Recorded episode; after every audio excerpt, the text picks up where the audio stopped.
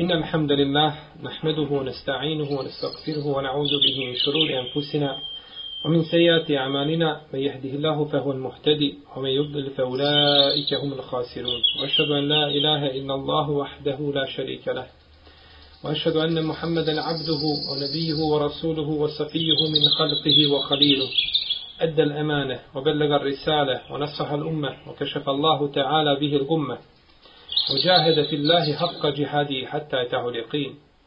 يا أيها الذين آمنوا اتقوا الله حق تقاته ولا تموتن إلا وأنتم مسلمون. يا أيها الناس اتقوا ربكم الذي خلقكم من نفس واحدة وخلق منها زوجها وبث منهما رجالا كثيرا ونساء واتقوا الله الذي تساءلون به والأرحام إن الله كان عليكم رقيبا. يا أيها الذين آمنوا اتقوا الله وقولوا قولا سديدا يصلح لكم أعمالكم ويغفر لكم ذنوبكم ومن يطع الله ورسوله فقد فاز فوزا عظيما. أما بعد فإن أحسن الكلام كلام الله وخير الهدي هدي محمد صلى الله عليه وسلم وشر الأمور محدثاتها وكل محدثة بدعة وكل بدعة ضلالة وكل ضلالة في النار. Mi smo u našem prošlom predavanju govorili i započeli jednu seriju predavanja koja se tiče Musa i Hadira alaihime salam i kazivanja koje nam uzvišeni Allah te barake o teala spominje u svojoj časnoj knjizi o ovoj dvojici poslanika. Kazali smo da je po većini mufesira Hadir alaihissalam bio poslanik da je odnosno bio vjerovjesnik kada su Musa a.s. i Juša, onaj dječak koji je sa njim išao, nastavili putovati, primijetili su da nema u njihovom džaku ili njihovoj torbi koju su imali, da nema one ribe. فَلَمَّا جَاوَزَ قَالَ لِفَتَاهُ آتِنَا غَدَاءَنَا لَقَدْ لَقِينَا مِنْ سَفَرِنَا هَذَا نَصَبًا I kada oni prođeše ono mjesto na kome su se trebali zaustaviti, reče Musa ale salam svome dječaku, daj nam naš ručak. Mi smo se u istinu umorili od ovoga puta. Daj nam da nešto ručamo. Kada je to rekao Musa ale salam, tada se je prisjetio Juša da je riba kod one stijene ili kod onoga kamena iskočila. Pa kaže, Kale arajte iz evojna ila sahreti فإني نسيت الحوت وما أنسانيه إلى الشيطان أن أذكره واتخذ سبيله في البحر عجبا Jesi li vidio kada smo bili kod one stijene, ja sam zaboravio da ti spomenem ribu. A niko to nije učinio nego šetan. Šetan je učinio da ja zaboravim za tu ribu i da ti spomenem da je tu riba iskočila i da je to mjesto gdje smo se trebali zaustaviti. Pa pobježe ta riba čudnim putem u more. Kaže Musa a.s. Kale zalike ma kunna nebuk. To je ono što smo mi tražili. Ovdje je Musa a.s. tražio od svoga dječaka da im postavi ručak.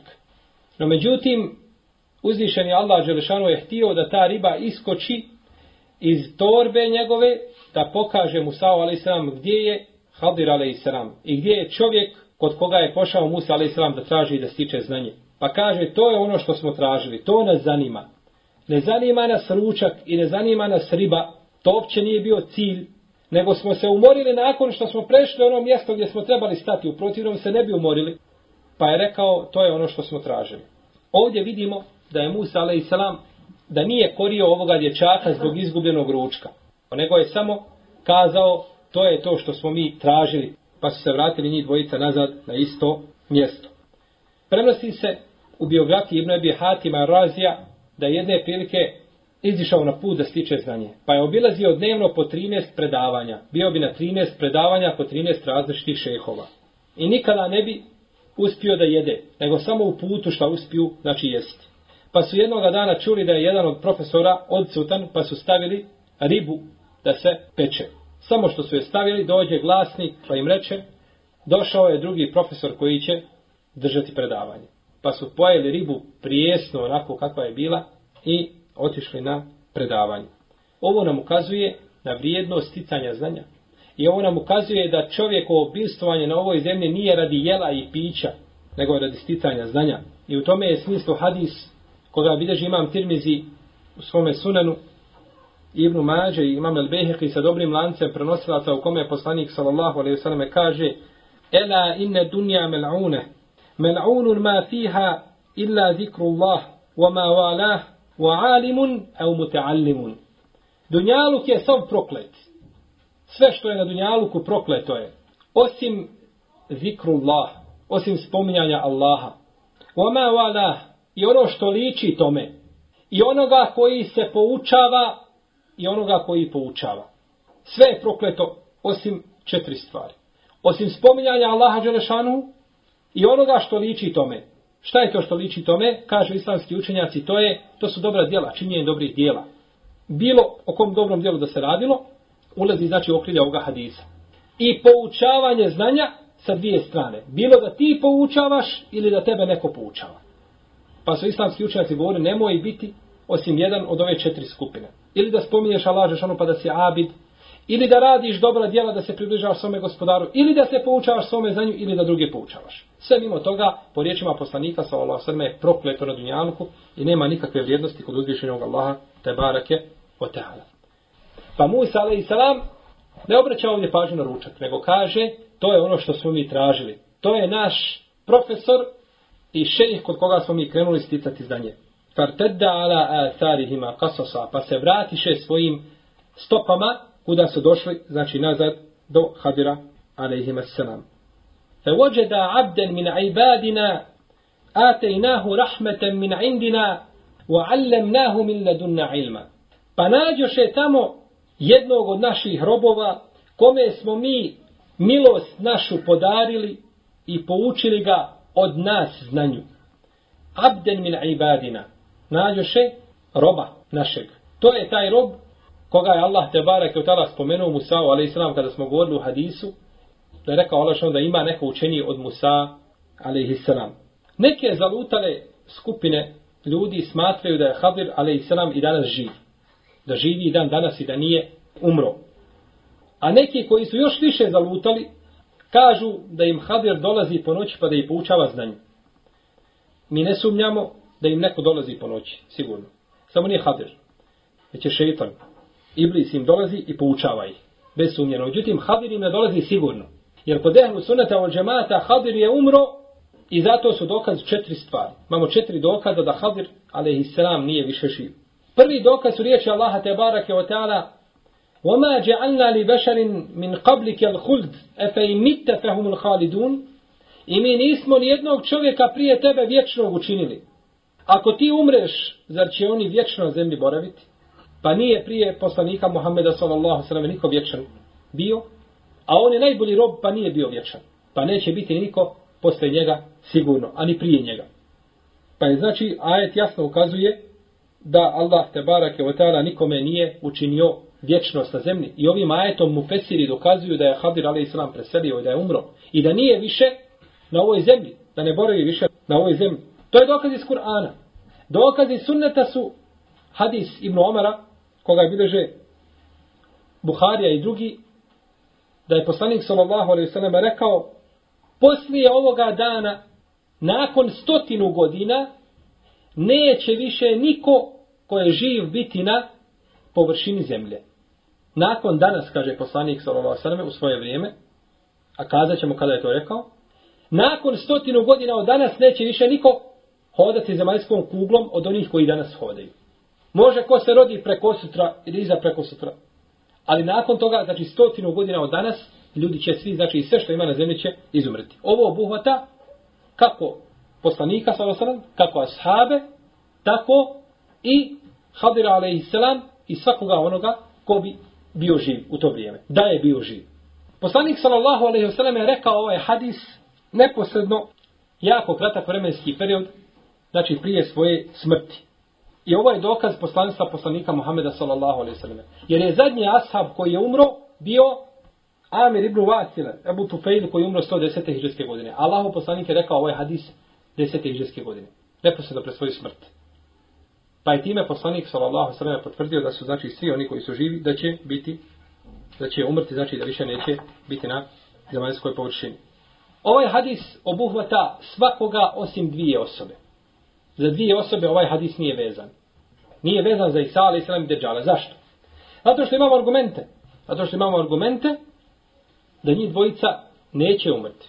Znači, Isa, ali Islam vrati, a da Dejjala ostaje živ. I zato imamo argumente da je živio vrijeme poslanika sa osadem.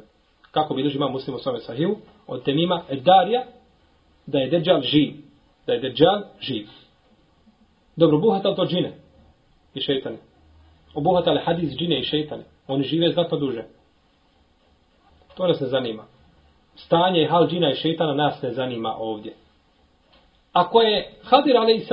uistinu živio u vrijeme poslanika sallallahu alaihi wasallam, kako ćemo razumjeti riječi Allaha te barake o ta'ala o idha kad Allahu mi thaka nebijine لما آتيتكم من كتاب وحكمة ثم جاءكم رسول مصدق لما معكم لتؤمنن به ولتنصرن قال أقرتم وأخذتم على ذلكم إسري قالوا أقرنا قال تشهدوا وأنا معكم من الشاهدين Kada je Allah Đelešanu uzeo od svih poslanika zavjet ili ugovor, ako vam dođe poslanik, da ćete ga pomoći. I da ćete vjerovati u njega i da ćete stati uz njega. Kaže Ibn Abbas, ovdje se misli na poslanika Muhammeda sallallahu alaihi sallam. Uzeo je Allah Đeršanu od svih poslanika ugovor i zavjet da ako dođe Allahov poslanik i bude poslan u njegovo vrijeme da će ga pomoći. Pa gdje je onda bio Hadir a.s. u vrijeme poslanika Muhameda sallallahu alaihi wasallam pa da ga pomogne. Vidimo jasno da Hadir a.s. nije bio živ u vrijeme poslanika sallallahu alejhi jer bi tada ostavio najvrijedniji posao koji može biti, a to je da pomogne koga? Poslanika sallallahu alejhi u njegovom znači džihadu i u borbi na Allahovom putu.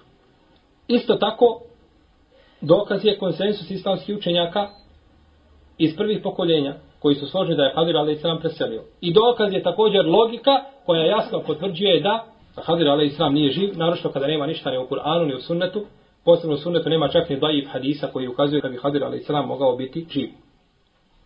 Fe ođedna abden min ibadina i našli smo jednog od naših robova, kaže Allah te barake o teala, pa kaže abden, rob. I najveća stvar i najveća čast koja čovjeku može biti na ovoj zemlji jeste da bude rob gospodaru te barake o teala. Da ga Allah žešan nazove robom, to mu je dovoljno. سبحان الذي أسرى بعبده ليلا من المسجد الحرام إلى المسجد الأقصى Neka je slavljen onaj koji je svoga roba prenio u jednom dijelu noći iz Mekke u Mesčidu Laksa. Svoga roba. Pa je nazvao poslanika sallallahu alaihi sallam robom. Pa ovdje kaže Allah te barek tala abden min ibadina jednog od naših robova nađe znači pa je to sigurno odlika Habiru alaihi sallam da ga Allah te barek tala naziva i potvrđujem da mu je bio znači njegov rob. Ate inahu rahmeten kome smo milost dali. Kažu islamski učenjaci ovdje je milost poslanstvo. Dali smo milost to jeste poslanstvo. وَعَلَّمْنَاهُ مِنْ لَدُنَّا ladunna ilma i mi ga pouči smo od nas znanju. Poučio je uzvišeni Allah te barake ta'ala Hadira alejhi salam znanju. Ovo znanje kojem je poučen Hadir a.s. jeste znanje gajba koje se ne može znati osim putem objave. I nema drugog načina da ga čovjek sazna. Jedna zalutala skupina smatra da se može znanje uzimati bez poučavanja. Da se znanje može dobivati onako. Da se čovjek ne poučava, nego samo da mu dolazi nešto, da mu nešto dolazi od znanja. Spominje imam Gazalija u svome dijelu Ihya ulumi din kaže وكان أبو يزيد وغيره يقول ليس العالم الذي يحفظ من كتاب فإذا نسي ما حفظه صار جاهلا وإنما العالم الذي يأخذ علمه من ربه أي وقت شاء بلا حفظ ولا درس وهذا هو العلم الرباني و إ ل ي ه ا ل ش ا ر ة بقوله وعلمناه من لدن علما كاجا إ م ا م غزالي أ س ف م ن و ي u svome dijelu, da je Ebu Jezid rekao, poznat jedan sufija, nije učenjak onaj koji uči znanje iz knjiga. To nije učenjak. Pa kada nauči, zaboravi ono što je naučio, pa opet postane neznalca. već je, kaže učenjak, onaj koji uzima znanje od svoga gospodara direktno, kada god hoće, u kom god hoće vremenu, bez pamćenja i bez dersova. I kaže, to se zaključuje i u tome je i šaret ili naznaka, jeli, po pitanju ove vrste znanja, u riječima Allah Žešanu, وَعَلَّمْنَاهُ مِنْ نَدُنَ عِلْمَ I mi ga pouči smo znanju od nas. Znači, ne treba čovjek učiti znanje, ne treba sticati, niti treba ders, niti treba hips, nego treba znači da mu dolazi direktno znanje. Na drugom mjestu prije toga, a ovo je treći tom, ovo je bila 30. a sad je 23. stranica, kaže, imam Gazalija narednu rečenicu, a da Bog da je nije kazao. فإذا عرفت هذا فاعلم أن ميل أهل التصوف إلى العلوم الإلهية دون التعليمية فلذلك لم يحرصوا على دراسة العلم وتحصيل ما صنفه المصنفون والبحث عن الأقوال والدلة المذكورة kaže, a kada znaš ovo, primijetit ćeš, kaže, da sufije teže ka božanskim naukama, a ne ovim naukama koje se stiču učeći. Zbog toga, kaže, sufije nisu bile brižne da stiču znanje i da prisustvuju dersovima gdje se stiče znanje, niti da čitaju ono, kaže, što su ljudi napisali. To njih puno ne zanima. To je za njih gubljenje vremena. Niti kaže da traže da ispitivaju mišljenja i dokaze koji se navode za svaka mišljenja. Nego direktno, nego direktno uzimaju znanje. Bileži Abdul Kerim Ar-Rafi u svome dijelu Etedwin fi Ahbari Kazwin u drugom tomu na 357. stranici da su neki ljudi u prisustvu ovoga Ebu Jezida, koga smo spomenuli, kazali, taj čovjek je sve od toga, taj je vidio toga, taj je prenio toga, taj nije bio povjerljiv. Kada je čuo to Ebu Jezid, kako ljudi govore, kako se uče za nju, kaže, mesakin, jednika, kaže. Ehadu na ilme, mejite na mejit, u ehazna ilmena, anil hajledi la jemut. Miskina ovi siromaha. Uzimaju, kaže, znanje mrtvi od mrtvoga. Jel, taj je čuo toga, taj nije čuo, a ti svi ljudi pomrli. Mrtvi od mrtvoga, a kaže mi uzimamo znanje od živoga koji nikada ne umire. Od živoga koji nikada ne umire. Znači, uzimaju direktno znanje od Allaha te barake o teana. Pa nas Allah Žešanu sačuva dalaleta i zablude. Kada je ovo spomenuo imam Ibn Hajar u svome dijelu Fethul Bari u prvom tomu na 267. stranici kaže ovako وقد بلغنا عن بعضهم أنه قال أنا لا أخذ عن الموتى وإنما أخذ عن الحي الذي لا يموت kaže spominje nam se od jednoga da je kazao ja kaže ne uzimam znanje od mrtvih ja uzimam kaže znanje od živog koji nikada ne umire Potom kaže o keda kale ahar, a potom kaže jedan drugi, misli na ove koji ovako govore, ene ahudu an kalbi an rabbi, kaže ja uzimam znanje od moga srca, od moga gospodara, direktno. Ne uzimam znanje, kako? Učeći, stičući znanje, niti preko drsova, niti preko knjiga, nego uči, uzimam direktno znanje od Allaha Đelša. Potom kaže Ibn Hajar riječi koje se trebaju tečnim zlatom zapisati. Kada je ovo spomenuo, kaže ovo wa kullu zalika kufrun bi شَرَائِعَ ahli shara'i' الْهِدَايَةَ وَتَوْفِيقَ A kaže sve ovo što je spomenuto kaže to je kufur po konsensusu svih nebeskih religija. Nije rekao po konsensusu muslimana nego znači ovo je kufur i kod židova i kod kršćana da se ovako priča. Da se govori da se uzima znanje direktno od Allaha da nemaš potrebe da učiš nego ti dolazi od Allaha te barake od ta'ala. I ovo sigurno nije bio put Selefa, nego je njihovo znanje bilo da se sjede i da se uči hipsom i dersom. To je bio put i to je jedini način da se stekne znanje. U protivnom, miskin je naš imam Buharija koji je putovao s jednog kraja na drugi dio kraja zemaljske kugle da buzeo jedan hadis. Pravi miskin i pravi nesretnik. Ako prihvatimo riječ ovih propalica koje ovako govore. Znanje se ne može steći nego na način kako je to učinio naš Selef i vidimo da su učenjaci potvrdili da je to, da je tako pričati nevjerstvo u Allaha te barake o teala i da je to izvršenje potvore na gospodara subhanahu wa ta'ala. Bilježi imam Dare Kutni u svome sunenu, Ol Khatib u svojej povijesti, od Ebu Hoire radijallahu ta'ala i Ebu Darda, sa lancem prenosaca koji je dobar, da je u njemu poslanik sallallahu alaihi sallam rekao, inne men ilmu bit ta'allum, wal hilmu bit ta'allum, ومن يتحرى الخير يعطه Omen je te vaka šarre jukahu. Znanje se dobiva poučavanjem. Jasne riječi ko dan. Znanje se dobiva poučavanjem. I tako je Allah poslanik sallallahu sallam poučavao ashabe. Pa zbog čega je Abu Horeire bio učen? Ili Ibnu Abbas?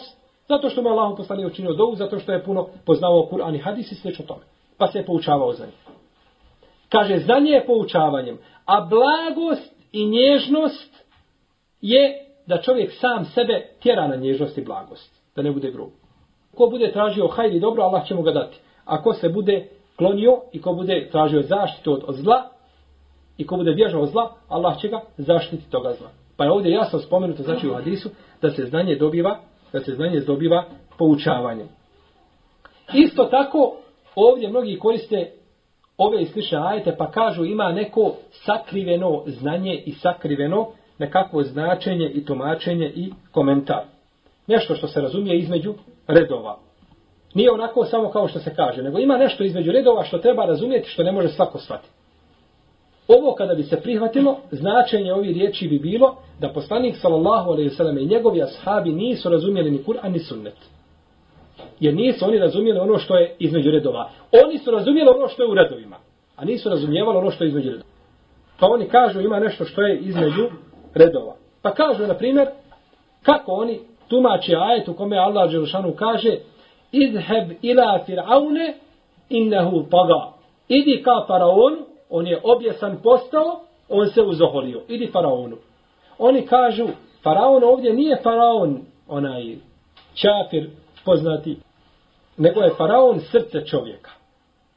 Kažu, idi ka srcu svome, kažu, to je faraon, srce. Pa se srce oholilo, pa idi svome srcu, pa ga savjetuj, pa ga obuzdaj, pa mu nasihat čini da ti srce bude dobro. Kažu, nije to faraon. Je li ikada iko od prvih ili posljednjih tako protumačio taj ajet? Idi faraonu, jasno, Allah te barak, od tada se obraća Musa alaih i Harunu. Idite faraonu. Kažu, ne, idite faraonu, nego idite svome srcu. Idite svome srcu, pa ga, pa ga obuzdajte. Pa je ovo skriveno značenje, koje ne znaju osim neznalice. Isto tako, spoljašnje značenje ovih ajeta mora se poklapati sa unutrašnjim značenjem. I unutrašnje sa spoljašnjim. I tako je objavljen šerijat poslaniku sallallahu alejhi ve sellem. Kao što srce se mora poklapati sa, sa jezikom, jezik sa srcem. I oko sa jezikom, i jezik sa okom. Imam Bejheke je zabilježio u svome sunenu, jebu Davudine Nesaj i drugi, predaju koja ima dobar lanac prenosilaca, u kojoj se kaže da je poslanik sallallahu alejhi ve sellem na dan oslobođenja Mekke kazao da su svi ljudi sigurni osim četverice i dviju žena. Kazao je za njih ubijte ih, taman ih našli da su se prikačili za odjeću kjabe. Taman bili da se prilijepili kao pijavice na kjabu, ubijte ih. To su bili Ikrime ibn Ebi Džehl, Abdullah ibn Hatal, Meqis ibn Subabe i Abdullah ibn Sad ibn Ebi Sarh. Ova četvorica, poslanik sallallahu sallam kaže na gdje god ih stignete, ubijte ih. Ne ostavljajte ih nikako žive. Što se tiče Abdullaha ibn Hatala, ljudi su ga našli da se prilijepio za Kjabu. Pa su potrčali prema njemu Said ibn Zaid i Amar ibn Jasir. Pa je Said bio brži i ubio ga. A što se tiče Mekisa ibn Subabe, stigli ga na pijaci i ubili ga.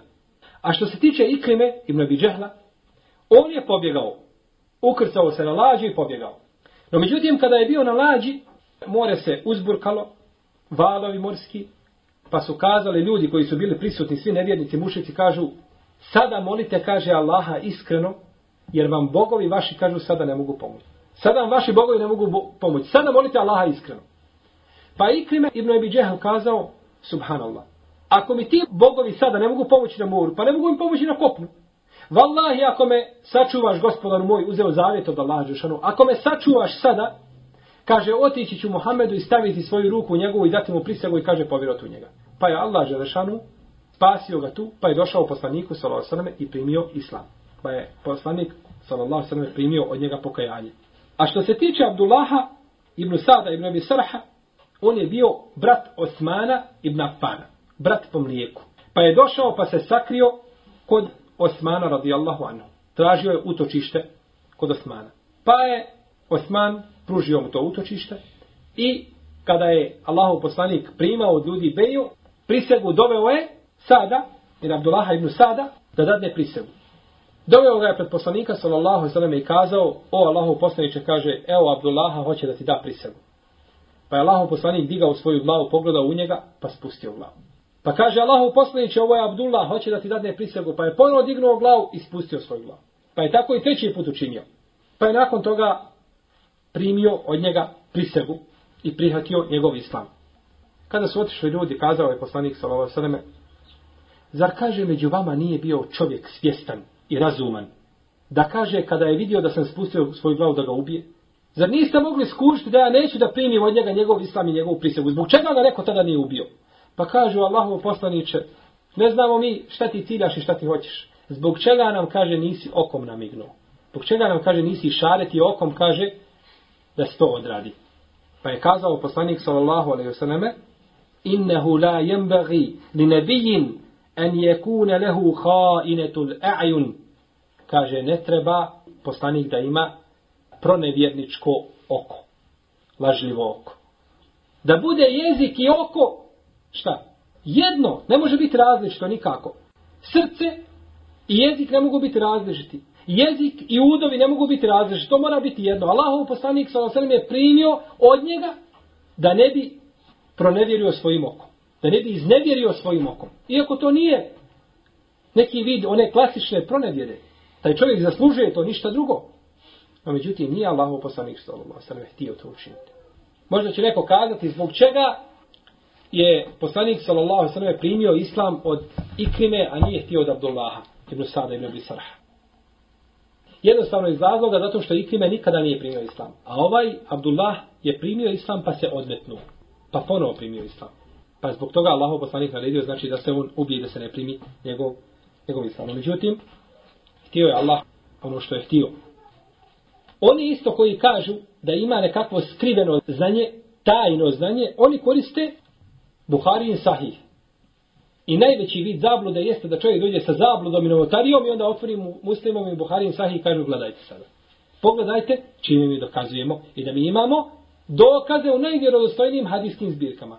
U svim svojim postupcima rade suprotno Buhari i muslimu. Ali kad nađu slanku kao utopljenik, uhvate se za nju i kažu, evo vidite, kažu da mi imamo dokaz u Buharinom sahihu o našem tajnom znanju i da je to bilo poznato kod ashaba. Pa kažu, naš dokaz je predaje koji bliži vam Buhari u svome sahiju od Ebu Hureyre radijallahu anhu da je rekao Zapamtio sam, kaže od poslanika sallallahu alaihi sallam dvije vrste znanja. Dvije vrste znanja prenio sam od poslanika sallallahu alaihi sallam i on me je poučio dvijema vrstama znanja. Jednu sam raširio među ljudima, a drugu kaže nisam, drugu sam sakrio. I kaže da raširim ovu drugu vrstu znanja, bilo bi presječeno ovo, pa je pokazao na svoju vratnu žilu. A u predaji kod imama Ismailija kaže, bila bi odsječena moja glava. Pokazuje na svoju glavu, da bi ga ljudi jednostavno ubili. Kažu, pogledajte Ebu Hureyru. Dvije vrste znanja imao, jednu je kazao, drugo nije. Drugo je sakrio samo za sebe. Jer je to nešto posebno što ne treba svako da zna. Pa iz Buharinog sahiha hoće dokazati svoj valalet i svoj batil. Znanje koje je Ebu Hureyre sakrio i koje nije htio poučiti druge ljude njemu, je znanje, kako kažu islamski učenjaci, znanje o vladarima koji će doći nakon poslanika sallallahu i nakon pravednih halifa i koji će nepravdu i nered po zemlji širiti. Pa šta mislite da je Ebu Hureyre došao i kazao ti ćeš vladati nakon toga to, i toga vremena i tvoje će vladanje biti toliko i toliko i ti ćeš propasti, tebi Allahov poslanik pogrdno govori o tebi, slično, ubio bi, tako? Jer vladar sve može dozvoliti osim da mu neko dira u stolicu. I kada dođe u pitanje stolica, tada ni otac, ni majka, ni brat, ni sestra, ni dijete vlastito nemaju nikakve vrijednosti. Jer sve će čovjek žrtvovati na tome putu da dođe do stolice. Jer čovjek sam svoj metak žrtvuje da dođe do stolice. Pa je zbog toga ustegnuo se i nije govorio ovo znanje i nije pričao o njima.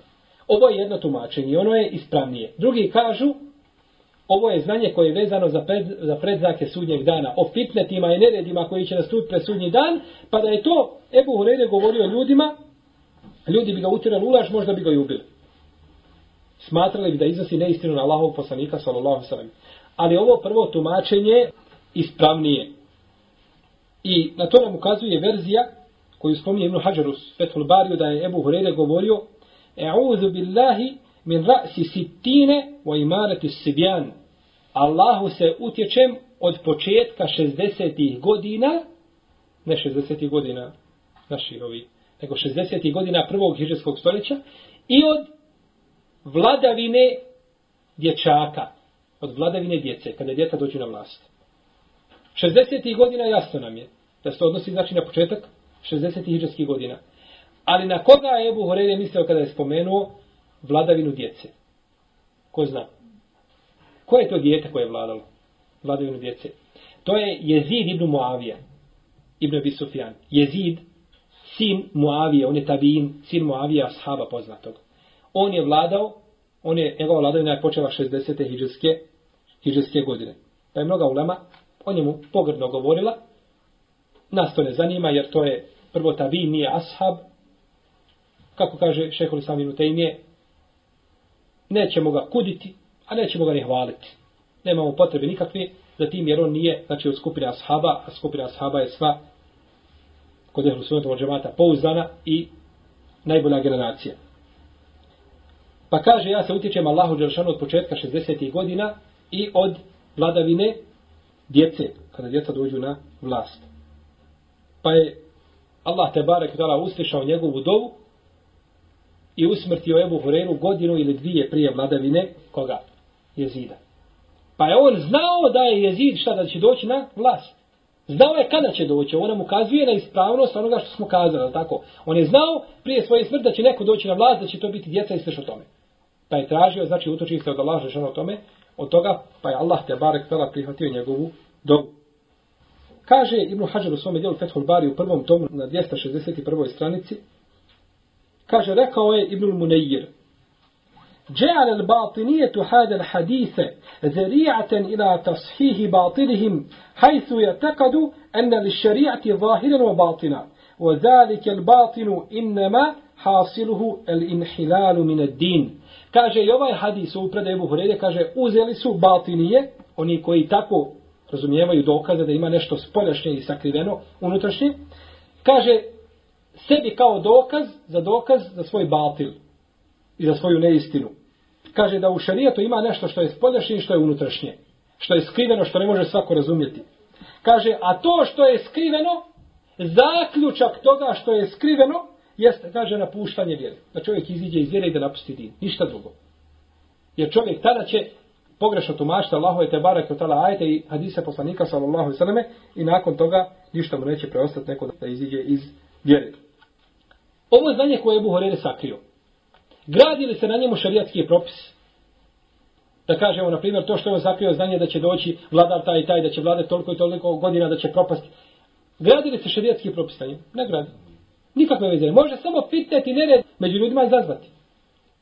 Da Ebu Horeire kojim slučajem upitan, da je došao neko i pitao ga, ja sam se abdestio, pa mi je desilo se to i to, jesam izgubio abdest, jel mi pokvare namaz, bili Ebu Horeire smio sakriti za njim? Nikada. Ili da je čovjek kazao, ja sam svojoj ženi kazao tako i tako, je li ona puštena ili dalje moja žena? Ili da je čovjek ubio čovjeka, pa da li treba krvan ili plati, ili treba da bude kisas učinjen tako da ne bi Ebu Horene sakrio to znanje. No međutim, sakrio je znanje koje neće koristiti ljudima. I zaista u šarijetu ima znanje koje ne trebaju da znaju svi ljudi. Neke stvari ne trebaju da znaju svi ljudi. Nego trebaju ljudi da znaju onoliko koliko mogu podnijeti, koliko mogu, koliko mogu razumjeti. I u tome smislu je predaja koji bilježi imam Bukhari u svome sahihu od Ali je radijallahu anhu da je govorio hadisu nase bima jarifun e e yukezzeb Allahu wa rasulu. Kaže, govorite ljudima ono što mogu razumjeti. Zar biste voljeli da ljudi utjeraju u laž Allaha Đelšanu i poslanika sallallahu alaihi sallam. Govorite znači ljudima ono što razumiju. A Ibn Mesaud je govorio kako bilježi imam muslim u svome sahihu ma ente bi muhadisin qawmen hadisen la tebluguhu ukuluhum illa kjana li ba'dihim fitneten ti se kaže nikada nećeš obratiti ljudima da im nešto pričaš i da im nešto govoriš sa takvim nivom obraćanja i takvim riječnikom ili takvim stvarima koje njihovi razumi ne mogu dokučiti, ne mogu razumjeti da to neće njima biti fitnet iskušenje. Pa je znači sakriti nešto od znanja od onih koji to ne mogu razumjeti sigurno šarijetom opravdano. Zbog toga ima Mahmed mrzio da se govori pred običnim ljudima i da se spominju hadisi koji govore o izlasku na kraljeve. U izlascima na kraljeve i na vladare je veliki nered. I fitnet za ljude u mnogim slučajima. Iako ovo pitanje, znači ova mesela ima svoja pravila, ali ima Mahmed je mrzio da se to spominje pred običnim ljudima. A ima Malik je mrzio da se hadisi koji govore o Allahom i Đešanu svojstvima spominju pred običnim ljudima. Jer ti kad čovjeku kažeš običnom da Allah Đešanu ima ruku, ili da Allah Đešanu ima stopalo, i slično tome, kako ćeš ti njega ubijeti u kakvoću toga? Dok mu kažeš ruka, on ne zna ništa drugo nego samo šta je ruka. Kao čovjek koji je bio cijelo života slijep i na moment progledao i ugledao slona i opet oslijepio. Pa mu kažu da plovila je lađa u luku. Pa kaže, a kakva je lađa u odnosu na slona? On se mjeri po slonu. Tako i ljudi koji ne znaju. Ti dok njemu kažeš ruka, kažu ruka. Ruka je Allahova kao naša ruka. Više ga nakon toga ne možeš ubijeti. Pa ima Malik mrzio da im govori stvari koje ne bi mogli ovi ljudi, znači, ili obični svijet ne bi mogli razumjeti.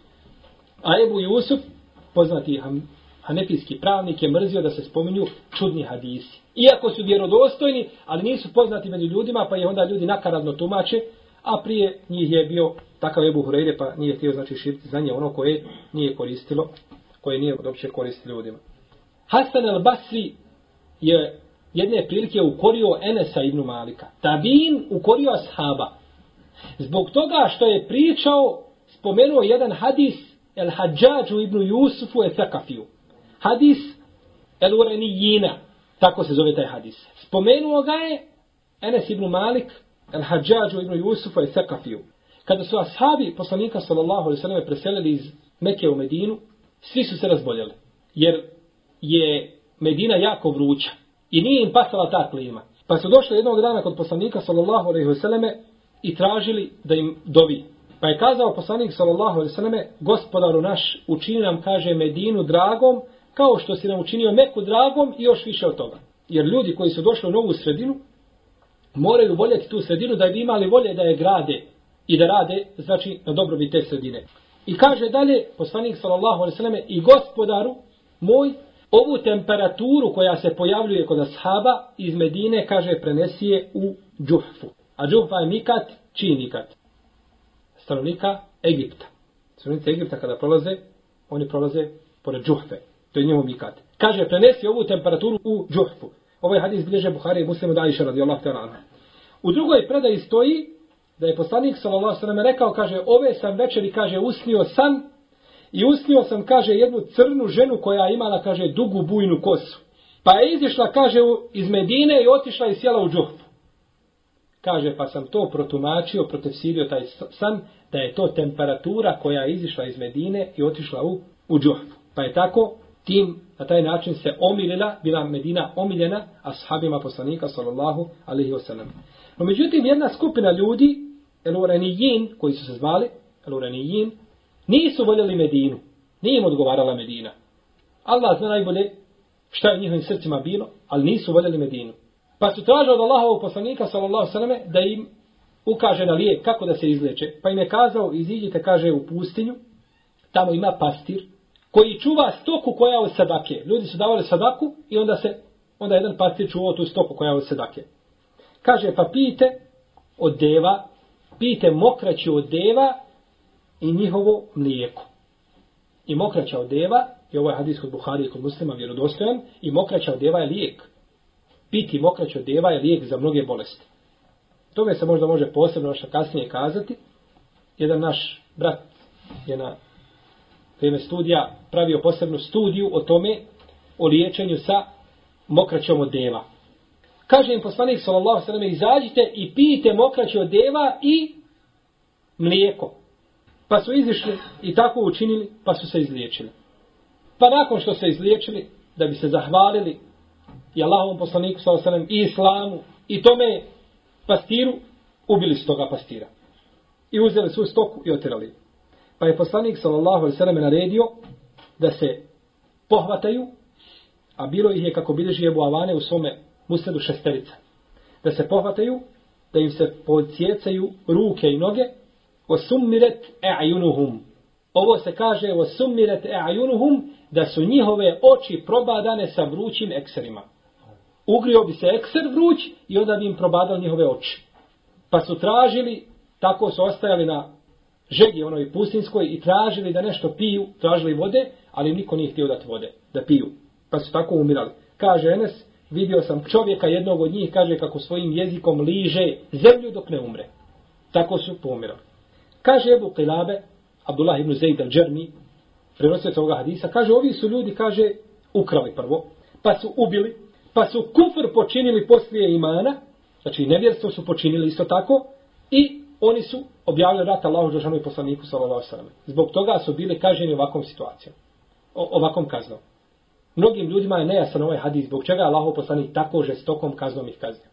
No međutim, zaista kada se pogleda stvar kakvu su oni učinili, onda vidi se da ništa drugo nisu zasluživali. I ovo je bilo u svakom slučaju prije propisivanja kazni, određenih kazni, znači koje su u koje su šerijatu. Kada je Enes ibn Malik ispričao ovaj hadis El Hadžađu ibn Jusufu El Sekafiju, ovaj nepravednik koji isto tako ubijaju ljude kako mu se prohtije, uzeo je sebi ovaj hadis za dokaz da može ubijeti koga hoće. Kaže, vidite da je Allahov poslanik, kada mu je neko bio nepokoran, kako je sa njim postupao. A on je bio namjesnik u Iraku. Pa je uzeo ovaj hadis i postupao po njemu. Koga god uhvati, nije mu pokoran, postupio bi sa njim na sličan način. Pa je nepravedno krv po zemlji prolijevao, pa je Enes ibn Malik kajao se što mu je ispričao ovaj hadis. Jer ispričaš hadis novotaru i on ga okrene i uzme ga za svoju novotariju i onda nanosi ljudima, nanosi ljudima zlo. Znači ovo je isto tako jedan od niza od argumenta da ne treba ljudima koji nisu spremni da podnesu teret određenog znanja da ga znaju. I ne trebaju, znači ne treba opće da im se govori o tome znanju. I bolje je znači, tako znanje sakriti od njih. Mi kažemo nema nikakvog tajnog značenja u ajetima niti hadisima. Koga ne može razumjeti ulema, a i većina običnih ljudi. Šta ima u stvari u hadisima i ajetima? Ima snaga razumijevanja. Da čovjek razumije određeni argument, a da ga drugi ne može razumijeti. To ima. No međutim, to nije nikako skriveno tajno značenje koje čovjek mora imati određeni stepen da bi ga razumio.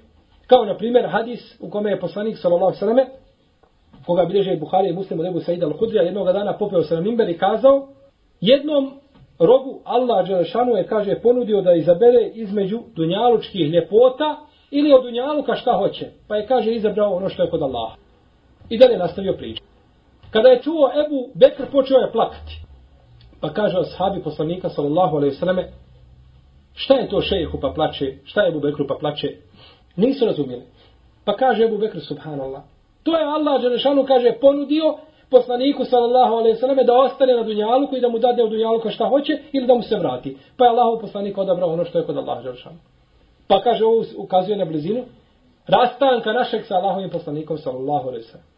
Pa je razumio ono što nisu razumjeli drugi ashabi, Abu Bekr. No međutim, da li je to Ebu Bekr znao neko tajno znanje koje nisu znali drugi? Znači, trebalo je samo shvatiti ko je taj rob kome je Allah Žešanu ponudio nešto. Htio je Allahov poslanik sallallahu sallam da pripremi ashabe na ono što ih čeka. Da jače podnesu znači smrt poslanika sallallahu sallam i da budu spremni da znaju da će jednog dana doći vrijeme da se Allahov poslanik rastane sa ovim dunjalukom. Ali Ebu Bekr znači nije imao nikako ovdje posebno tajno ili skriveno znanje. Ovo je u stvari ono što je rekao Allah te barake o teala fefehemnaha Sulejman. Podali smo mi Sulejmanu razumijevanje i razboritost da shvati. Ništa drugo. Znači, jaču razboritost da shvati. Uzvišen je Allah Đeršanu kada je objavio u Kur'anu وَلَكَدْ خَلَقْنَا الْإِنسَانَ مِنْ سُلَالَةٍ مِنْ طِينٍ ثُمَّ جَعَلْنَاهُ نُطْفَةً فِي قَرَارٍ مَكِينٍ I tako do kraja ajeta gdje Allah Đeršanu govori o stvaranju čovjeka. Pa kaže, mi smo zaista čovjeka od biti zemlje stvorili. Zatim ga kao kap sjemena sigurno mjesto stavili. Pa onda kap sjemena ugruškom učinili, zatim od ugruška grudu mesa stvorili. Pa od grude mesa kosti napravili, a onda kosti mesom zaodjenuli i poslije ga kao drugo stvorenje oživljujemo. Kada je čuo Omer radijallahu anhu ove riječi, kaže, Fetebarek Allahu ahsenun haliqin. Pa kaže, neka je slavljen Allah najljepši stvoritelj. Ko tako lijepo stvara kao Allah? Kaže mu, poslanik sallallahu sallam, e Omere kaže, tako je objavljen. To je nastavak ajeta dalje. Fetebareke Allahu ahsanul halikin. I neka je slavljen Allah najljepši stvoritelj. Pa je Omer radi Allahanu kazao dio ajeta prije nego što je objavljen. Da li je to Omer znao nešto? Nije, to je razbor i to je spomera radi Allahom i njegova veza sa Allahom te barake o teala, sa svojim gospodarom Azeuđel koji je imao u smislu pokornosti njemu, pa mu je Allah žanu dao razboritost da pohvali svoga gospodara kao najljepšeg stvoritelja. Dok su jedni govorili to je sihr i to je obmana i to je prevara i to je varka, Omer radi kaže pa neka je slavljen gospodar najljepši stvoritelj. Niko ne može tako stvarati. Pa mu kaže poslanik sa osrem, Omere upiši je tako je, znači objavljen taj ajet. No međutim, ovo nikako ne ukazuje znači da je Omer radijallahu anhu imao nekako posebno razumijevanje ili posebno svatanje. Pa je ovo znanje skriveno ili tajno znanje, ilmul batini, koga zagovaraju, oni koji su skrenuli sa puta i menheđa ehlu suneta od džemata batil na ovakav način. Jeli, na ovakav način i s ovome razumijevanju koga smo spomenuli. A to da ima određenog znanja koje ne zna nego ulema, koje ne zna nego učenja, da ga ne znaju obični ljudi, to je sigurno poznato kod ehlu sunneta od džemata. Kazali smo da je Musa a.s. prepoznao Hadira a.s. po alametima i znakovima kojim ga je poučio Allah te barake o ta'ala. Pa ćemo u narednom našem predavanju inša Allah nastaviti govoriti o obraćanju Musa a.s. Hadiru i traženju od njega da ga pouči znanju i da ga slijedi, pa ćemo vidjeti inša Allah šta se dešavalo dalje u kazivanjima o njima dvojici koje nam je uzvišen Allah te barek tada spominjao u Kur'anu. Allahu te ala alam, sallallahu ala nabina Muhammed, wa ala alihi wa sahbihi ajma'in, wa jazakumullahu khairu.